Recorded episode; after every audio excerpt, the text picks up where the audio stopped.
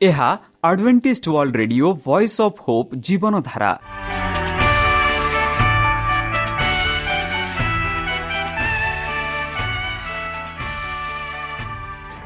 Odia radio କାର୍ଯ୍ୟକ୍ରମ ଯାହା ଆମର ଆନ୍ତର୍ଜାତୀୟ ଆଘାତ କେନ୍ଦ୍ରରୁ ପ୍ରସାରଣ କରାଯାଉଛି ପ୍ରତିଦିନ ରାତି ନଅଟା ତିରିଶ ମିନିଟ୍ରେ। ମୁଁ ସୁବ୍ରତ କୁମାର ପତି ପ୍ରେମର ସହ ଆପଣମାନଙ୍କୁ ଏହି କାର୍ଯ୍ୟକ୍ରମକୁ ସ୍ୱାଗତ କରୁଅଛି। ଚାଲନ୍ତୁ ଆଜିର ତିରିଶ ମିନିଟ୍ର କାର୍ଯ୍ୟକ୍ରମ ବିଷୟରେ ଜାଣିନେବା। ପ୍ରଥମେ ରଖିଛୁ ଆଧ୍ୟାତ୍ମିକ ଭକ୍ତିମୟ ଗୀତ। ଏହାପରେ ଶୁଣିବା ସ୍ୱାସ୍ଥ୍ୟ ବିଷୟରେ ଯାହା ଆମର ଦୈନିକ ଜୀବନରେ ଅତ୍ୟନ୍ତ ଜରୁରୀ। ଆଉ ପରିଶେଷରେ ଶୁଣିବା ପରମେଶ୍ୱରଙ୍କ ଭକ୍ତଙ୍କଠାରୁ ଜୀବନଦାୟକ ଈଶ୍ୱରଙ୍କ ବାକ୍ୟ। ପ୍ରିୟ ଶ୍ରୋତା ତାହେଲେ ଚାଲନ୍ତୁ ଶୁଣିବା ଏକ ଆଧ୍ୟାତ୍ମିକ ଭକ୍ତିମୟ ଗୀତ।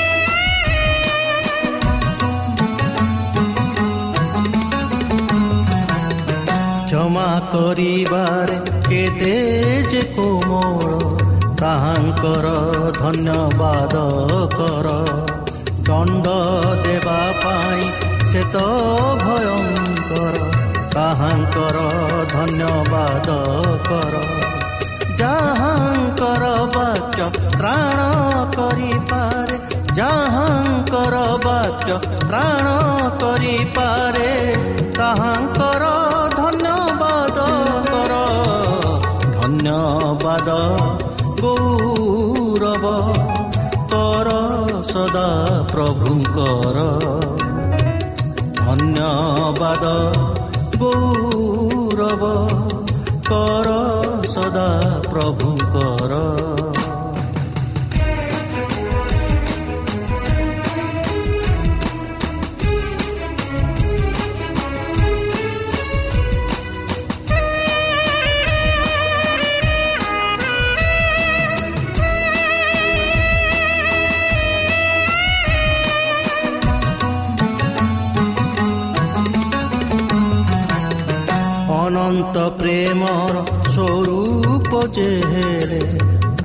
ତାହାଙ୍କର ଧନ୍ୟବାଦ କର ନିଜେ ବଳି ହୋଇ ଜୀବନ ଯାଚିଲେ ତାହାଙ୍କର ଧନ୍ୟବାଦ କର ଦୟା ଦଣ୍ଡ ଯାର ହସ୍ତର ଭୂଷଣ ଦୟା ଦଣ୍ଡ ଯାର ହସ୍ତର ଭୂଷଣ ତାହାଙ୍କର ଧନ୍ୟବାଦ କର ଧନ୍ୟବାଦ ଗୌରବ କର ସଦା ପ୍ରଭୁଙ୍କର ଧନ୍ୟବାଦ ଗୌରବ କର ସଦା ପ୍ରଭୁଙ୍କର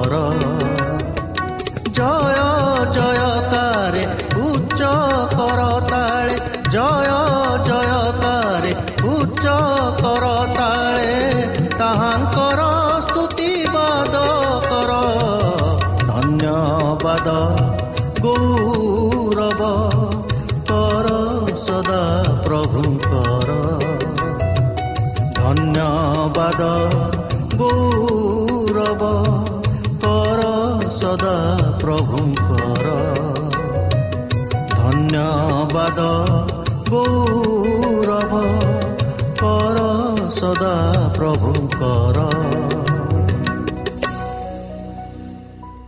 প্রিয় শ্রোতা আমি আশা করুছু যে আমার কার্যক্রম আপনার পসন্দ লাগুব আপনার মতামত পাই আমার এই ঠিকার যোগাযোগ করতু আমার advantage Media Centre SDA mission compound সাি park Pune চারি এক এক শূন্য তিন সাত মহারাষ্ট্র বা খোলন্তু আমার ওয়েবসাইট যে কোনসি Android phone smartphone desktop laptop কিংবা ট্যাবলেট আমার ওয়েবসাইট www.awr.org/ori এবং www.adventistmediacenterindia.org বর্তমান চলন্তু শুনিবা ঈশ্বরଙ୍କ ভক্তଙ୍କ ଠାରୁ ঈশ্বরଙ୍କ জীবনদায়ক বাক্য নমস্কার প্রিয় শ্রোতা সেই সর্বশক্তি সর্বজ্ঞানী ପ୍ରେମର ସାଗର ଦୟାମୟ ଅନ୍ତର୍ଜମୀ ଅନୁଗ୍ରହ ପରମ ପିତାଙ୍କ ମଧୁର ନାମରେ ମୁଁ ପାଷ୍ଟ ପୂର୍ଣ୍ଣଚନ୍ଦ୍ର ଆଉ ଥରେ ଆପଣମାନଙ୍କୁ ଏହି କାର୍ଯ୍ୟକ୍ରମରେ ସ୍ୱାଗତ କରୁଅଛି। ପ୍ରିୟ ଶ୍ରୋତା ସେହି ସର୍ବଶକ୍ତି ପରମେଶ୍ୱର ଆପଣମାନଙ୍କୁ ଆଶୀର୍ବାଦ କରନ୍ତୁ। ଆପଣଙ୍କୁ ସମସ୍ତ ପ୍ରକାର ଦୁଃଖ କଷ୍ଟ ବାଧା କ୍ଲେଶ ଓ ରୋଗରୁ ଦୂରେଇ ରଖୁ। ବିଶେଷ ଭାବରେ ବର୍ତ୍ତମାନ ଯେଉଁ କରୋନା ମହାମାରୀ ସାରା ପୃଥିବୀକୁ ଆପଣା ପ୍ରଭାବ ଦେଖାଉଅଛି ସେହି ପ୍ରଭାବରୁ ସେହି ପରମେଶ୍ୱର ଆପଣମାନଙ୍କୁ ସୁରକ୍ଷାରେ ରଖନ୍ତୁ। ତାହାଙ୍କ ପ୍ରେମ ତାହାଙ୍କ ସ୍ନେହ ତାହାଙ୍କ କୃପା ତାହାଙ୍କ ଅନୁଗ୍ରହ ସଦାସର୍ବଦା ଆପଣଙ୍କଠାରେ ସହବର୍ତ୍ତୀ ରହୁ। ପ୍ରିୟ ଶ୍ରୋତା ଚାଲନ୍ତୁ। ଆଜି ଆମ୍ଭେମାନେ କିଛି ସମୟ ପବିତ୍ର ଶାସ୍ତ୍ର ବାଇବଲଠୁ ତାହାଙ୍କ ଜୀବନଦାୟକ ବାକ୍ୟ ଧ୍ୟାନ କରିବା। ଆଜିର ଆଲୋଚନା ହେଉଛି ସଂଘର୍ଷ। ବନ୍ଧୁ ଯାଜକ ଓ ଶାସକମାନେ କୃଷ୍ଣଙ୍କ ନିର୍ଦ୍ଦିଷ୍ଟ ଭର୍ଜନା ଶୁଣି ଚୁପ୍ ରହିଲେ। ସେମାନେ ତାଙ୍କ ଅଭିଯୋଗକୁ ଖଣ୍ଡନ କରିପାରିଲେ ନାହିଁ। କିନ୍ତୁ ସେମାନେ କେବଳ ତାଙ୍କ ଫାନ୍ଦରେ ପକାଇବାକୁ ଅଧିକ ସଂକଳ୍ପବଦ୍ଧ ଥିଲେ ଏବଂ ଏହି ବସ୍ତୁ ସହିତ ସେମାନେ ତାଙ୍କ ନିକଟକୁ ଗୁପ୍ତଚୋରମାନଙ୍କୁ ପଠାଇଲେ। ଯାହା ନିଜକୁ କେବଳ ମଣିଷ ବୋଲି ଭାବିବା ଉଚିତ ଯେପରି ସେମାନେ ତାଙ୍କ ବାକ୍ୟକୁ ଧରିପାରିବେ ଯାହାଦ୍ୱାରା ସେମାନେ ତାଙ୍କୁ ଶକ୍ତି ଏବଂ ଅଧିକାରକୁ ସମର୍ପଣ କରିବା ରାଜ୍ୟପାଳ ପାଳ ସେମାନେ ପୁରାତନ ଫାରୁସୀମାନଙ୍କୁ ପଠାଇଲେ ନାହିଁ। ଯେଉଁମାନେ ଯୀଶୁଙ୍କୁ ବାରମ୍ବାର ଭେଟିଥିଲେ କିନ୍ତୁ ଯୁବକ ଯେଉଁମାନେ ଉତ୍ସାହୀ ଏବଂ ଉତ୍ସାହୀ ଥିଲେ ଏବଂ ସେମାନେ ଭାବିଥିଲେ ଖ୍ରୀଷ୍ଟ ଜାଣିନାହାନ୍ତି ହେରୋଦିଓମାନଙ୍କ ମଧ୍ୟରୁ କେତେକ ସେମାନଙ୍କ ସହିତ ଥିଲେ। ଯେଉଁମାନେ ଖ୍ରୀଷ୍ଟଙ୍କ ବାକ୍ୟ ଶୁଣିବାକୁ ଯାଉଥିଲେ। ଯେପରି ସେମାନଙ୍କ ବା ଯେପରି ସେମାନେ ତାଙ୍କ ପରୀକ୍ଷଣ ସମୟରେ ତାଙ୍କ ବିରୁଦ୍ଧରେ ସାକ୍ଷା ହେବେ। ଫାରୁସି ଓ ହେରୋଦିଓମାନେ ତିକ୍ତ ଶତ୍ରୁ ଥିଲେ କିନ୍ତୁ ସେମାନେ ବର୍ତ୍ତମାନ ଖ୍ରୀଷ୍ଟଙ୍କ ପ୍ରତି ଶତ୍ରୁ ଥିଲେ। ରୋମିଓମାନେ ଶ୍ରଦ୍ଧାଞ୍ଜଳି ଅର୍ପଣ କରି ଫାରୁସିମାନେ କେବେ ଚାପ କରିଥିଲେ? ଶ୍ରଦ୍ଧାଞ୍ଜଳି ଦେବା ସମୟରେ ଈଶ୍ୱର ନିୟମ ବିରୁଦ୍ଧ ବୋଲି କହିଥିଲେ। ବର୍ତ୍ତମାନ ସେମାନେ ଯୀଶୁଙ୍କ ପାଇଁ ଫାନ୍ଦ ପକାଇବାକୁ ସୁଯୋଗ ପାଇଲେ। ଗୁପ୍ତଚୋରମାନେ ତାଙ୍କ ନିକଟକୁ ଆସିଲେ ଏବଂ ଆନ୍ତରିକତାର ସହିତ ଯେପରି ସେମାନଙ୍କ କର୍ତ୍ତବ୍ୟ ଜାଣିବାକୁ ଇଚ୍ଛା କଲେ। କହିଥିଲେ ଗୁରୁ ଆମେ ଜାଣୁ ଯେ ତୁମେ ଠିକ୍ ଭାବରେ କହୁଛ। ଏବଂ ଶିକ୍ଷା ଦେଉଛ। କିମ୍ବା ତୁମେ କୌଣସି ବ୍ୟକ୍ତିକୁ ଗ୍ରହଣ କରୁନାହୁଁ କିନ୍ତୁ ପ୍ରକୃତରେ ଈଶ୍ୱରଙ୍କ ମାର୍ଗ ଶିଖାଉଛ।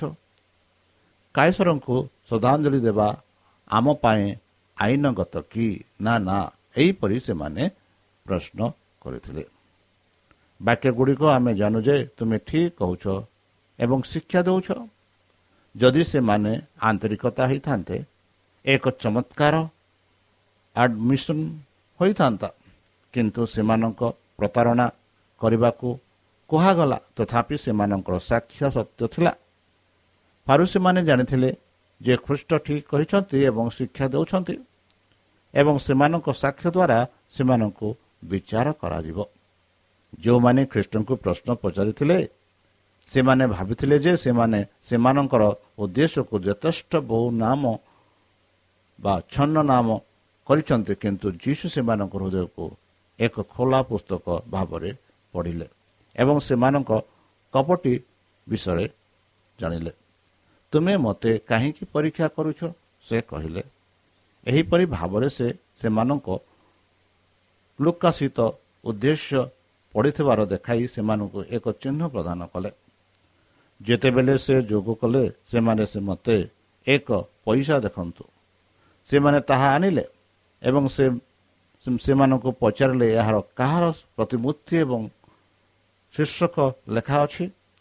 ସେମାନେ ଉତ୍ତର ଦେଲେ କାଇସରଙ୍କର ମୁଦ୍ରାରେ ଥିବା ଲେଖାକୁ ସୂଚାଇ ଯୀଶୁ କହିଲେ କାଇସରଙ୍କ ଜିନିଷକୁ କାଇସରଙ୍କୁ ଦିଅ ଯାହା ଈଶ୍ୱରଙ୍କ ଜିନିଷ ଈଶ୍ୱରଙ୍କୁ ଦିଅ ଗୁପ୍ତଚୋରମାନେ ଆଶା କରିଥିଲେ ଯେ ଯୀଶୁ ସେମାନଙ୍କ ପ୍ରଶ୍ନର ସିଧାସଖଳ ଉତ୍ତର ଦେବେ।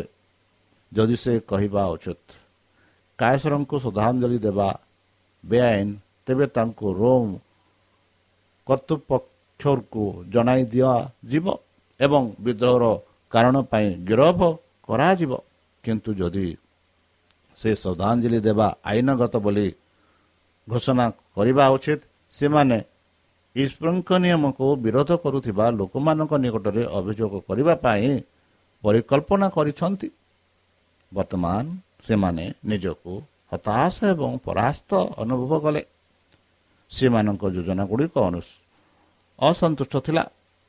ସଂକ୍ଷିପ୍ତ ପ୍ରଦିଷ୍ଟି ଯେଉଁଥିରେ ସେମାନଙ୍କର ପ୍ରଶ୍ନର ସମାଧାନ ହୋଇଥିଲା। ସେମାନଙ୍କୁ ଆଉ କିଛି କହିବାକୁ ଛାଡ଼ିଦେଲେ। ଖ୍ରୀଷ୍ଟଙ୍କ ଉତ୍ତର କୌଣସି ପଲାୟନ ନୁହେଁ କିନ୍ତୁ ପ୍ରଶ୍ନର ଏକ ଖୋଲା ଉତ୍ତର। ତାଙ୍କ ହାତରେ ରୋମାନ ମୁଦ୍ରା ଧରି ଯାହା ଉପରେ କେଶରଙ୍କ ନାମ ଏବଂ ପ୍ରତିମୂର୍ତ୍ତିରେ ମୁଦ୍ରା ଦିଆଯାଇଥିଲା ସେ ଘୋଷଣା କରିଛନ୍ତି ଯେ ଯେହେତୁ ସେମାନେ ରୋମାନ ଶକ୍ତିର ସୁରକ୍ଷା ଅଧୀନରେ ରହୁଛନ୍ତି। ଯେପର୍ଯ୍ୟନ୍ତ ସେମାନେ ଦାବି କରୁଥିବା ସମର୍ଥନକୁ ସେହି ଶକ୍ତି ପ୍ରଦାନ କରିବା ଉଚିତ ଏକ ଉଚ୍ଚ କର୍ତ୍ତବ୍ୟ ସହିତ ବିବାଦ ନୁହେଁ କିନ୍ତୁ ଯେତେବେଳେ ଶାନ୍ତିପୂର୍ଣ୍ଣ ଭାବରେ ଦେଶର ନିୟମ ମାନି ଥାଏ ସେମାନେ ସର୍ବଦା ଈଶ୍ୱରଙ୍କ ନିକଟରେ ପ୍ରଥମ ବିଶ୍ୱାସ କରିବା ଉଚିତ। ତ୍ରାଣକର୍ତ୍ତାଙ୍କ ବାକ୍ୟ ଈଶ୍ୱରଙ୍କ ଯାହା ଈଶ୍ୱରଙ୍କ ନିକଟରେ ଦିଆଯାଉ ତାହା ଚିତ୍ତାକର୍ଷକ ଯୁହୁଦୀମାନଙ୍କ ପାଇଁ କଠୋର ଭର୍ଜନା।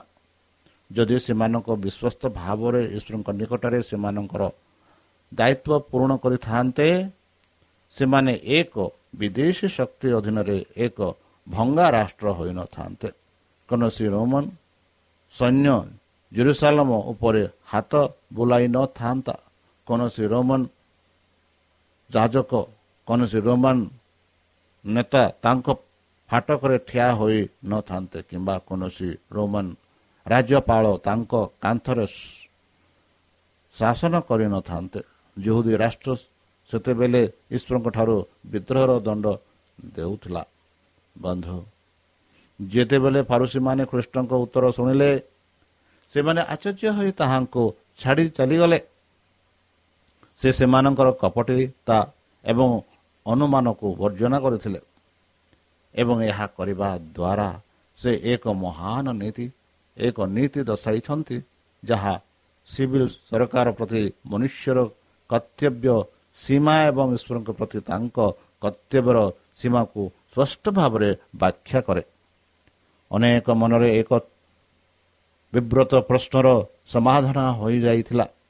ସର୍ବଦା ସେମାନେ ସଠିକ ନୀତ ଅବଲମ୍ବନ କଲେ ଏବଂ ଯଦିଓ ଅନେକ ଅସନ୍ତୁଷ୍ଟରେ ଚାଲିଗଲେ ସେମାନେ ଦେଖିଲେ ଯେ ପ୍ରଶ୍ନର ମୂଲ୍ୟ ନୀତି ସ୍ପଷ୍ଟ ଭାବରେ ସ୍ଥିର ହୋଇଛି ଏବଂ ସେମାନେ କୃଷ୍ଣଙ୍କ ଦୂରଦୃଷ୍ଟିରେ ଆଶ୍ଚର୍ଯ୍ୟ ହୋଇଗଲେ।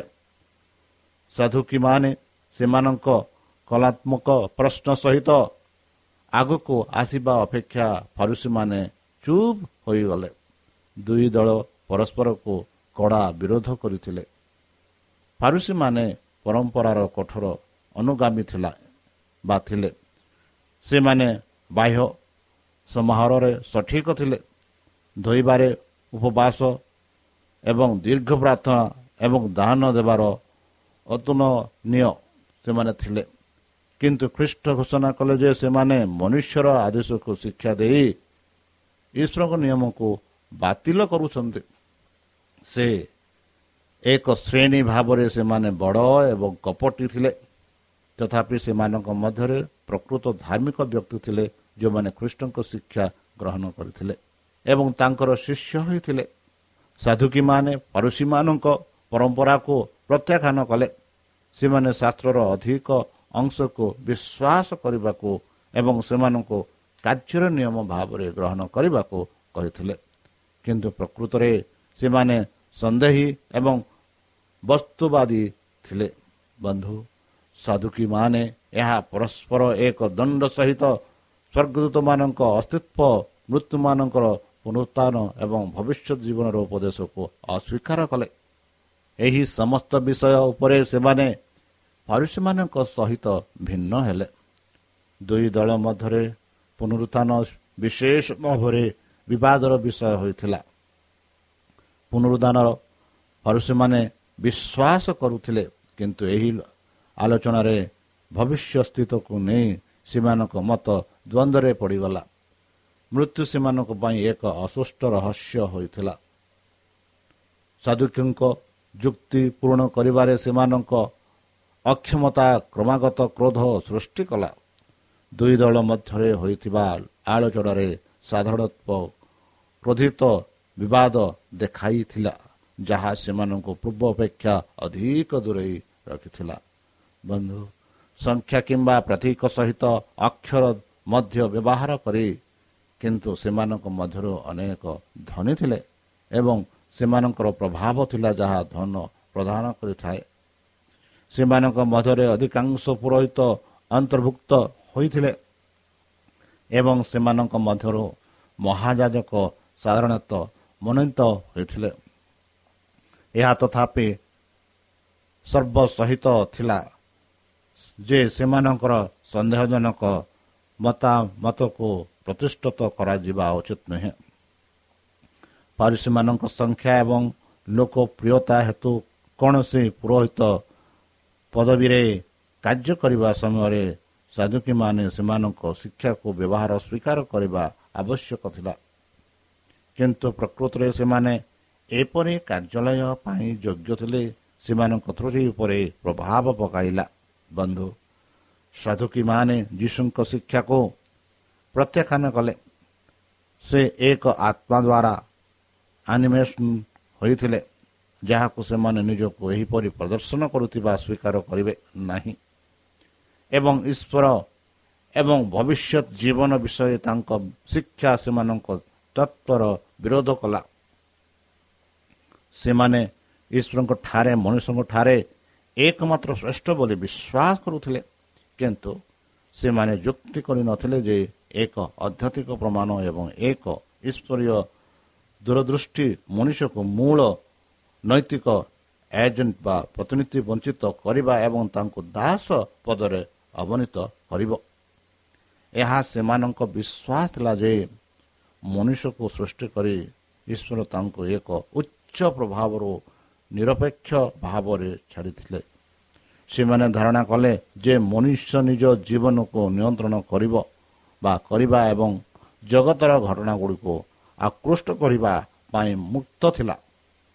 ତାଙ୍କର ଭାଗ୍ୟ ତାଙ୍କ ହାତରେ ଥିଲା। ସେମାନେ ଅସ୍ୱୀକାର କଲେ ଯେ ଈଶ୍ୱରଙ୍କ ଆତ୍ମା ମାନବ ଉଦ୍ୟମ କିମ୍ବା ପ୍ରାକୃତିକ ଉପାୟ ଦ୍ୱାରା କାର୍ଯ୍ୟ କରେ। ତଥାପି ସେମାନେ ଏହା ଧରିଥିଲେ ଯେ ତାଙ୍କର ପ୍ରାକୃତିକ ଶକ୍ତିର ଉପଯୁକ୍ତ ନିଯୁକ୍ତ ମାଧ୍ୟମରେ ମଣିଷ ଉଚ୍ଚ ଓ ଜ୍ଞାନବାନ ହୋଇପାରେ। କଠୋର ଏବଂ କଠିନ ପରିଶ୍ରମ ଦ୍ୱାରା ତାଙ୍କ ଜୀବନ ଶୁଦ୍ଧ ହୋଇପାରିବ।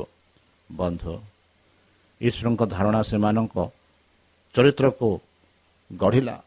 ଯେପରି ସେମାନଙ୍କ ଦୃଷ୍ଟିରେ ସେ ମନୁଷ୍ୟ ପ୍ରତି କୌଣସି ଆଗ୍ରହ ଦେଖାଉନଥିଲେ ତେଣୁ ସେମାନେ ପରସ୍ପରକୁ ସାମାନ୍ୟ ସମ୍ମାନ କଲେ ନାହିଁ। ସେମାନଙ୍କ ମଧ୍ୟରେ ସାମାନ୍ୟ ମିଳନ ନଥିଲା।